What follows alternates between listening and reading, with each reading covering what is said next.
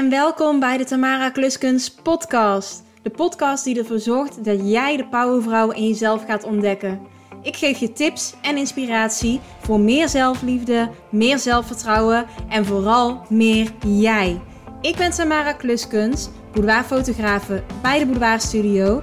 En met mijn openhartige verhalen hoop ik je te inspireren, zodat jij als persoon nog sneller kunt gaan groeien. Ik weet zeker dat je je weg net zoals ik zult gaan vinden.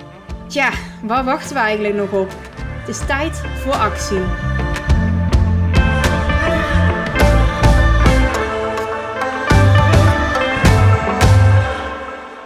Welkom bij een nieuwe aflevering van de Tamara Kluskens podcast.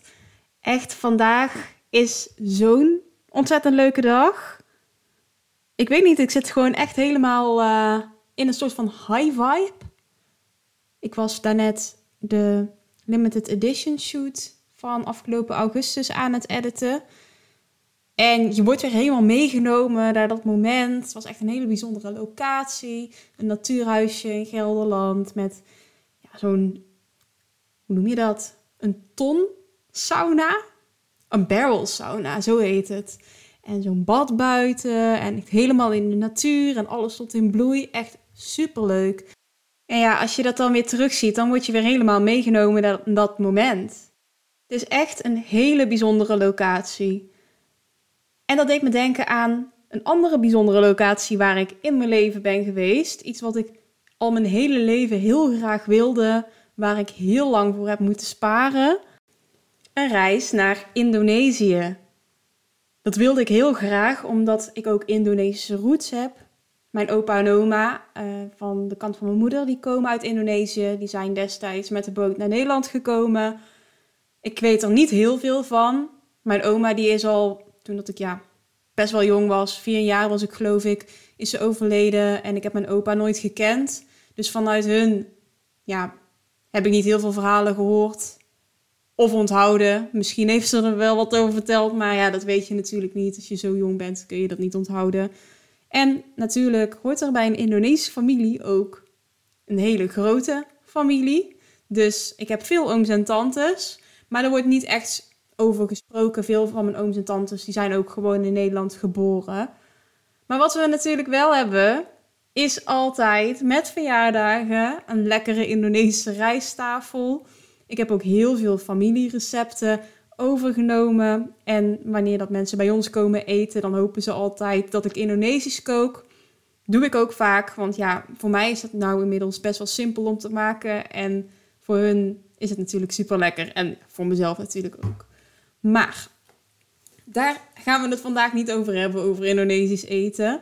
Waar ik het met je over wil hebben, is het stellen van een doel en hoe dat je daar komt. Want om even bij het begin te beginnen, ik was dus altijd al nieuwsgierig naar Indonesië. Op het moment dat ik een beetje kon verdienen, bijverdienen, bijbaantje, begon ik met sparen voor die reis. Nou, mijn eerste baantje, toen was ik 14.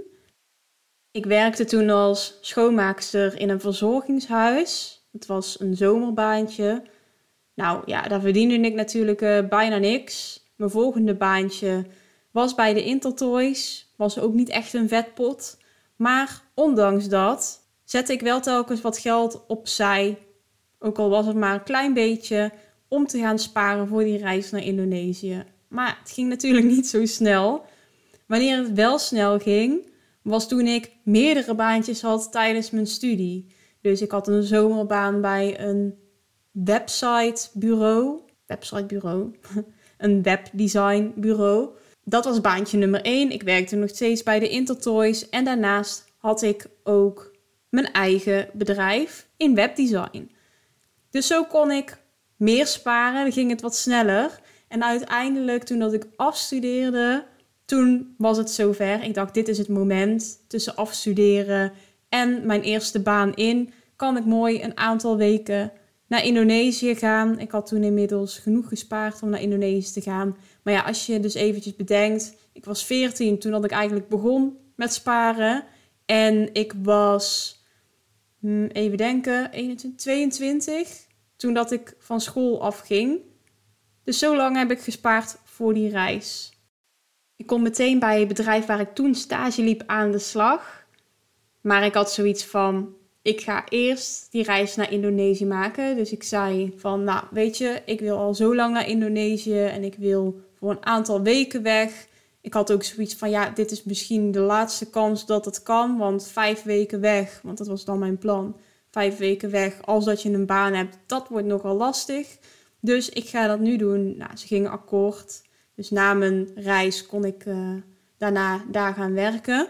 En ja, het was wel echt een hele bijzondere reis. Ik wilde ook dat het meteen goed ging. Dus ik ging niet backpacken of weet ik het wat. Want dit was iets waar ik al jarenlang voor had gespaard. En ik wilde dat het de beste ervaring ooit zou worden. Dus ik heb het laten plannen door een reisbureau. En we hadden dan ook ja, een soort van taxichauffeur die ons de eilanden liet zien. En ehm, ja, alles was eigenlijk een beetje voor ons geregeld. En ik zeg ons, want Tommy die ging ook mee. Ik had inmiddels een relatie met Tommy al een aantal jaar. En hij zag het ook helemaal zitten om uh, nog een paar weken naar Indonesië te gaan. Gelukkig maar. dus alles was georganiseerd. Ja, ik weet niet, misschien had ik het ook op een andere manier kunnen doen. Maar ik wilde echt voorkomen dat het een vreselijke reis zou worden. Um, ja, waar dat ik echt met een soort van negativiteit op terug zou kijken ja, eenmaal daar was het echt een cultuurshock. Als dat je daar komt, mega druk, want we landen toen op Jakarta. Dat is volgens mij de op drie na grootste stad van de wereld, dus uh, qua inwoners. En dat zag je ook wel. Het was echt één grote chaos. Je zag van die afvalbergen langs de weg die aangestoken werden. Iedereen reed er zo kriskras door elkaar. Ik had echt het gevoel alsof ik hier nooit levend uit dat busje zou komen. Nou, uiteindelijk ben je daar wel aan. Ook aan de cultuur, ook aan het feit dat mensen constant met je op de foto willen, omdat je een Europeaan bent. Ehm, een jonge Europeaan ook nog. Het was echt een super mooie reis, super veel gezien.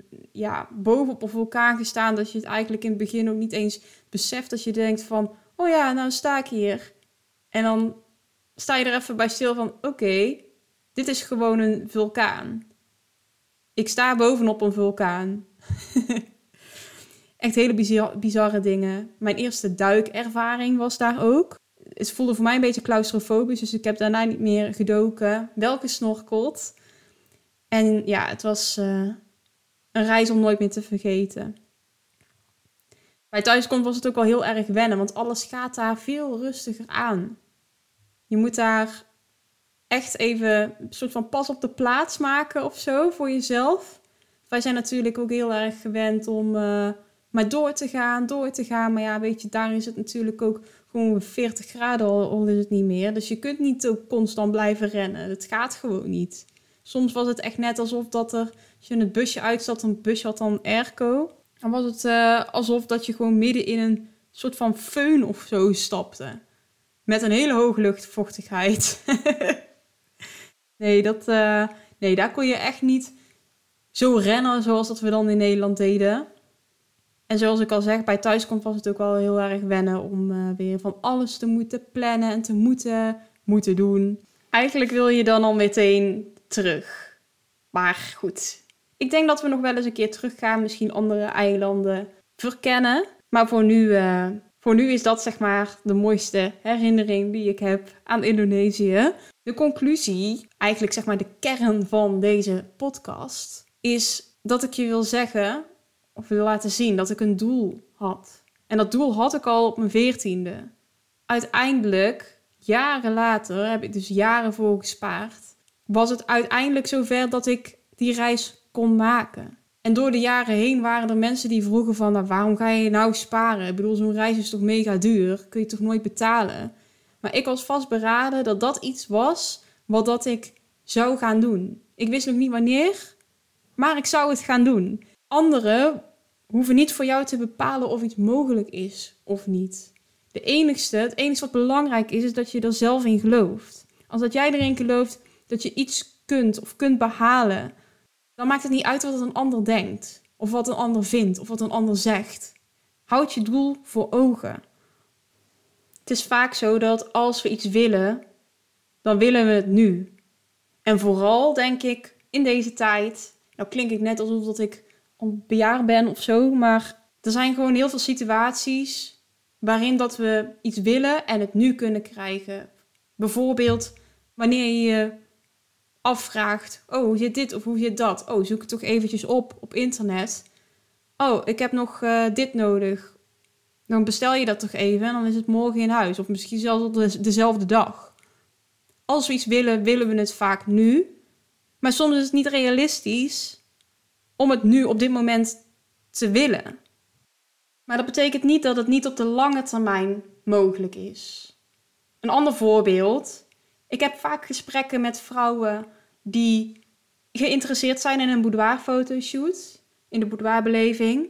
En op een gegeven moment heb je het dan over de investering die je daarvoor moet doen. In sommige gevallen wordt er dan gezegd: Oh nee, ik vind het veel te veel geld. Ik heb dat geld nu niet. Nou, dan gaat het niet door. Maar wat nou als dat je er anders over nadenkt? Want dit is een investering in een bepaalde levenservaring, een bepaald gevoel wat je voor jezelf wilt creëren en waar je voor de rest van je leven iets aan gaat hebben. Waarom zou je dan niet kijken naar de langere termijn in plaats van dat je het idee hebt van oké, ik heb dit bedacht, dan moet het nu. Want je weet dat dit iets is wat je wat gaat opleveren, wat je iets geweldigs gaat opleveren. En misschien is het op de langere termijn dus wel mogelijk. En gelukkig zijn er ook zoveel vrouwen die zeggen: Oké, ik weet nu wat de investering is en ga ervoor zorgen dat het op de langere termijn wel mogelijk is. Want dit is mijn doel. Ik ga voor dat doel en ik weet dat ik het kan. En wat je doel ook is, want ik heb het nu over een boudoir fotoshoot. Wat je doel ook is, een reis die je wil maken, een cursus die je wil volgen. Misschien zie je jezelf wel in een bepaald type huis wonen in de toekomst. Ga voor dat doel. Kijk naar de langere termijn. Kijk welke stapjes er nodig zijn. Welke kleine stapjes je kunt zetten. Want je hoeft niet per se meteen van A naar Z. Sterker nog, vaak gaat dat niet. Kijk naar de kleine stapjes die je nu al kunt zetten om uiteindelijk je doel te behalen. Want ik weet dat je het kunt. Dat was hem weer voor vandaag. Een iets kortere podcast, maar ik hoop dat je er inspiratie uit kunt halen. En mocht je nog iets willen delen of een vraag hebben, dan kun je me altijd bereiken via mijn Instagram pagina @deboudoirstudio. En ik hoop dat ik je volgende week weer in deze podcast mag verwelkomen. Doei doei! Lieve jij, bedankt voor het luisteren. Kun je er niet genoeg van krijgen? Abonneer je dan op deze podcast en geef een review. Je kunt me vinden via mijn website, deboudoirstudio.nl of volg me via @deboudoirstudio op Instagram en TikTok en deel mijn podcast en je stories. Samen kunnen we nog meer mensen inspireren en daarnaast ben ik heel benieuwd wie er luistert en of je er iets aan hebt gehad. Ik wens je een fijne ochtend, middag of avond en tot de volgende. Doei doei!